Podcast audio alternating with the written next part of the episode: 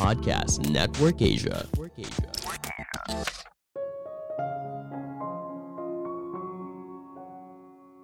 Setiap orang bertanggung jawab atas keputusan keuangannya masing-masing. Hati-hati jangan sampai terjebak dalam penipuan berkedok investasi. Halo semuanya, nama saya Michael. Selamat datang di podcast saya, Sikutu Buku. Kali ini saya akan membahas soal binary option. Ini beneran bisa kaya atau penipuan semata? Mungkin kita harus tahu dulu apa itu binary option, sejarahnya, legalitasnya, baru bisa menentukan apakah layak untuk ikutan atau enggak. Ingat, sebelum menaruh uang di produk apa pun, kita harus cermati dulu apa produk yang ditawarkan. Sebelum kita mulai, buat kalian yang mau support podcast ini agar terus berkarya, caranya gampang banget. Kalian cukup klik follow Dukungan kalian membantu banget supaya kita bisa rutin posting dan bersama-sama belajar di podcast ini.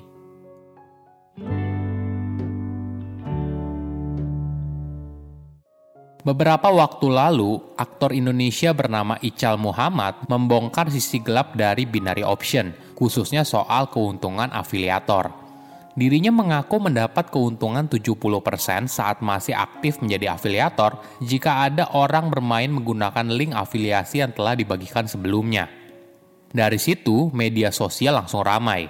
Apalagi beberapa pengguna media sosial yang sering kali disebut sebagai crazy rich menjadi kaya berkat binary option.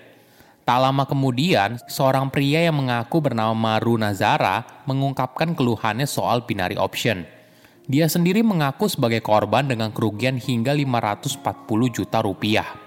Dalam videonya, Maru sampai membanting laptop sambil berucap sumpah serapa kepada afiliator. Nah, apa sih binary option?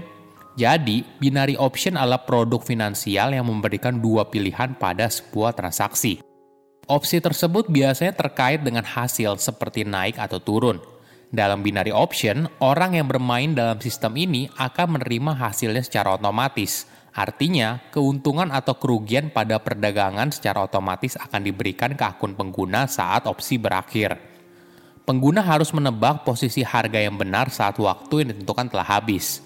Contohnya begini, apakah harga sebuah komoditas emas akan naik menjadi di atas 2000 dolar pada jam 2 siang hari ini? Jika kamu percaya kalau hal ini mungkin, maka kamu akan membeli binary optionnya. Namun jika kamu merasa harga emas akan berada di angka 2000 dolar atau di bawahnya, maka kamu akan menjual binary optionnya. Kamu akan mendapat keuntungan apabila prediksi kamu benar. Nah, jika dilihat metodenya seperti ini, binary option mungkin lebih terasa seperti judi daripada investasi yang sesungguhnya. Mungkin untuk mengetahui lebih detail, kita harus tahu dulu sejarahnya. Binary option sudah ada cukup lama, namun baru mulai populer ketika Chicago Board Option Exchange di Amerika Serikat memperkenalkan binary option sebagai aset yang bisa diperdagangkan, selain produk yang lain yaitu forex atau valuta asing dan saham pada tahun 2008. Produk ini sangat laris karena dianggap sebagai produk keuangan termudah bagi orang biasa tanpa latar belakang keuangan. Walaupun terlihat mudah, investor harus paham betul produknya sebelum menaruh uang ke dalamnya. Kalau dilihat dari sisi legalitas, beberapa negara yang melegalkan binary option memilih dari dua pendekatan.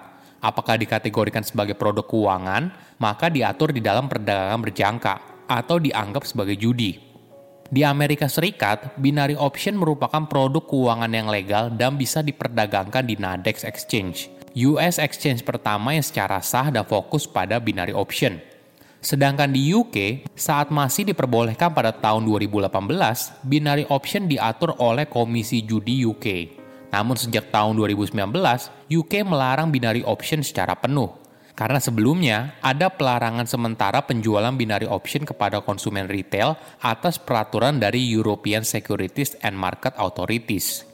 Sedangkan di Indonesia, binary option merupakan kegiatan yang dilarang oleh Undang-Undang Perdagangan Berjangka Komoditi Selama tahun 2021, Bapepti telah memblokir ribuan domain entitas investasi ilegal, termasuk binary option sebanyak 92 domain.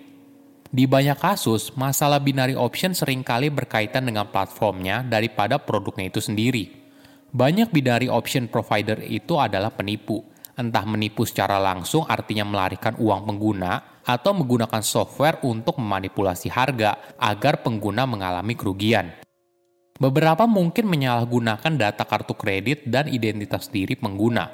Pada tahun 2017, FBI memperkirakan bahwa penipu binary option mencuri sekitar 140 triliun rupiah dari korban di seluruh dunia.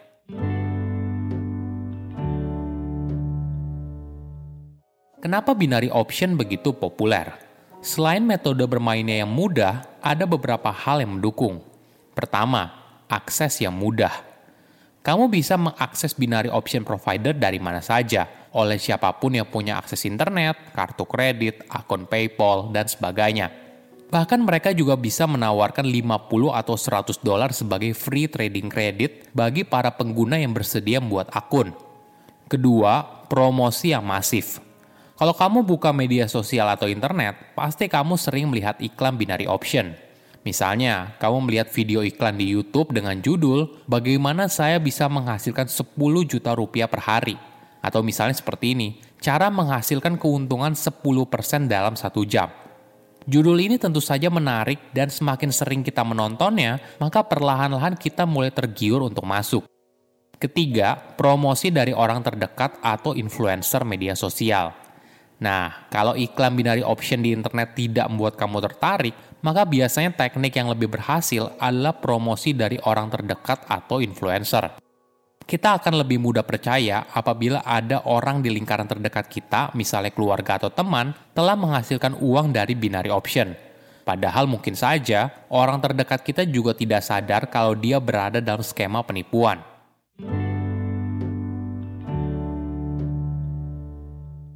Belakangan ini sepertinya lagi marak soal penipuan berbasis keuangan ya. Misalnya soal robot trading, suntik modal alat kesehatan, dan sekarang yang lagi ramai adalah binary option. Nah, bagaimana sih caranya agar kita bisa terhindar dari penipuan keuangan? Pertama, cek legalitasnya. Ketika kamu ditawari produk investasi apa pun, hal pertama yang harus dicek adalah legalitasnya. Namun jangan hanya tertipu kalau perusahaan tersebut memiliki badan usaha. Kadangkala mereka beroperasi dengan izin yang tidak sesuai. Misalnya, binary option menggunakan izin sekolah komputer tapi mengumpulkan dana masyarakat. Ini kan sudah jelas menjadi red flag ya. Kedua, pahami produknya.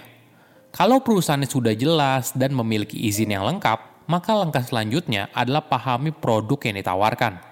Saya selalu mengingatkan berkali-kali, Sebelum kamu menaruh uangmu di produk investasi apa pun, maka luangkan waktu untuk membaca dan memahami apa yang ditawarkan.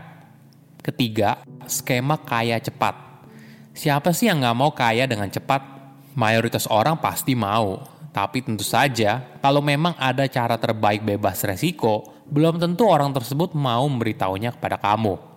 Ketika sesuatu terlihat tidak masuk akal, mungkin saja memang beneran tidak masuk akal Ingat kata pepatah, if it is too good to be true, it probably isn't.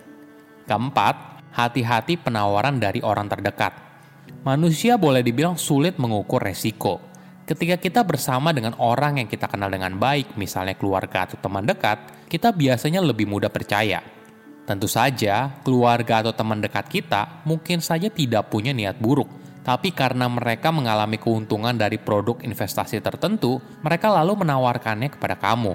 Alhasil, kamu tidak banyak melakukan analisa atau mencari info lebih detail dan percaya saja. Tanpa disangka, produk itu merupakan penipuan berkedok investasi. Jika sudah begitu, bukan hanya uang saja yang hilang, tapi hubungan yang baik bisa saja menjadi rusak. Ingat, Siapa pun yang menawarkan produk investasi, kamu tetap punya tugas untuk mencari tahu secara detail. Keputusan keuangan merupakan tanggung jawab pribadi setiap orang, maka pilihlah dengan bijak. Ketika sebuah tawaran terasa begitu sempurna, maka mungkin saja penawaran itu adalah penipuan. Saya undur diri, jangan lupa follow podcast Sikutu Buku. Bye-bye. Pandangan dan opini yang disampaikan oleh kreator podcast, host, dan tamu tidak mencerminkan kebijakan resmi dan bagian dari podcast Network Asia. Setiap konten yang disampaikan mereka di dalam podcast adalah opini mereka sendiri dan tidak bermaksud untuk merugikan agama, grup etnik, perkumpulan, organisasi, perusahaan, perorangan, atau siapa pun dan apa pun.